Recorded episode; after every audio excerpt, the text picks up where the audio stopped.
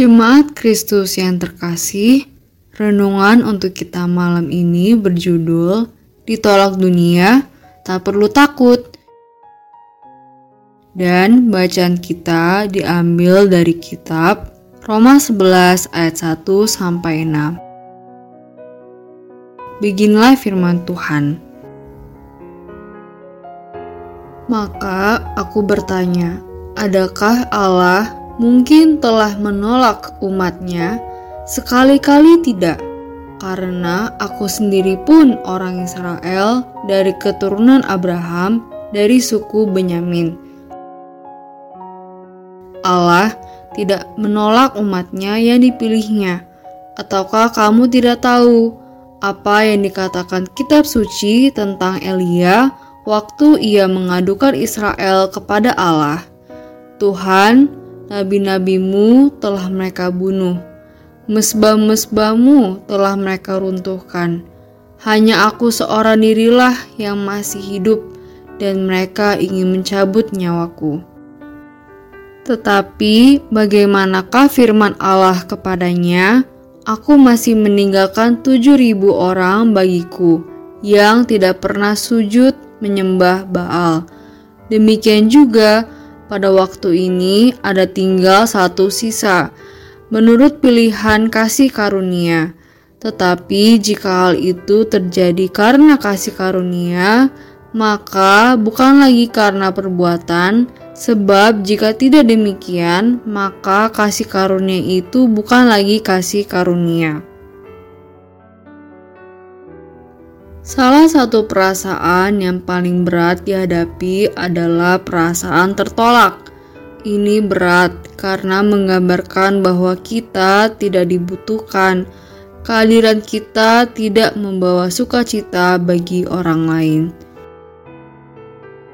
Oleh karena itulah, perasaan tertolak sering menjadi awal rusaknya gambar diri kita kita merasa menjadi orang-orang yang tidak penting dan hanya mengganggu, dan membuat kita menjadi pribadi yang minder dan penakut. Padahal, kalau dicermati, tidak semua orang menolak kita.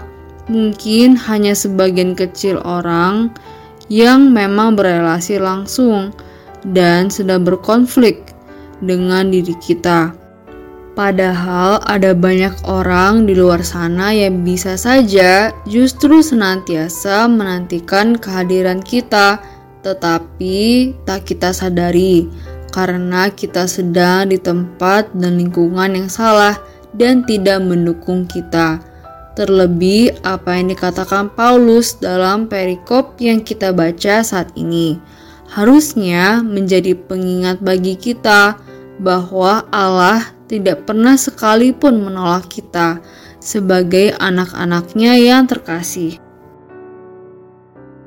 Dengan demikian, mari kita bandingkan ada Allah dan orang-orang yang mungkin tidak pernah kita harapkan, justru senantiasa menantikan dan menyambut kehadiran kita. Mengapa itu tidak pernah kita lihat dan syukuri? Sedangkan hampir setiap hari kita meratapi nasib karena ada satu dua orang yang menolak kita. Jangan konyol, hidup kita tidak hanya selebar daun kelor. Ada banyak lingkungan dan komunitas yang bisa mendukung dan menolong kita.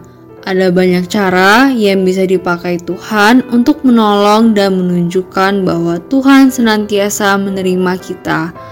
Kasih Allah sudah lebih dari cukup untuk hidup kita. Tidak perlu merasa takut kalau kita ditolak dunia. Demikianlah renungan malam ini. Semoga damai sejahtera dari Tuhan Yesus Kristus tetap memenuhi hati dan pikiran kita. Amin. Jemaat yang terkasih, mari kita bersatu hati menaikkan pokok-pokok doa yang ada dalam gerakan doa 21 GKI Sarwa Indah. Mari berdoa.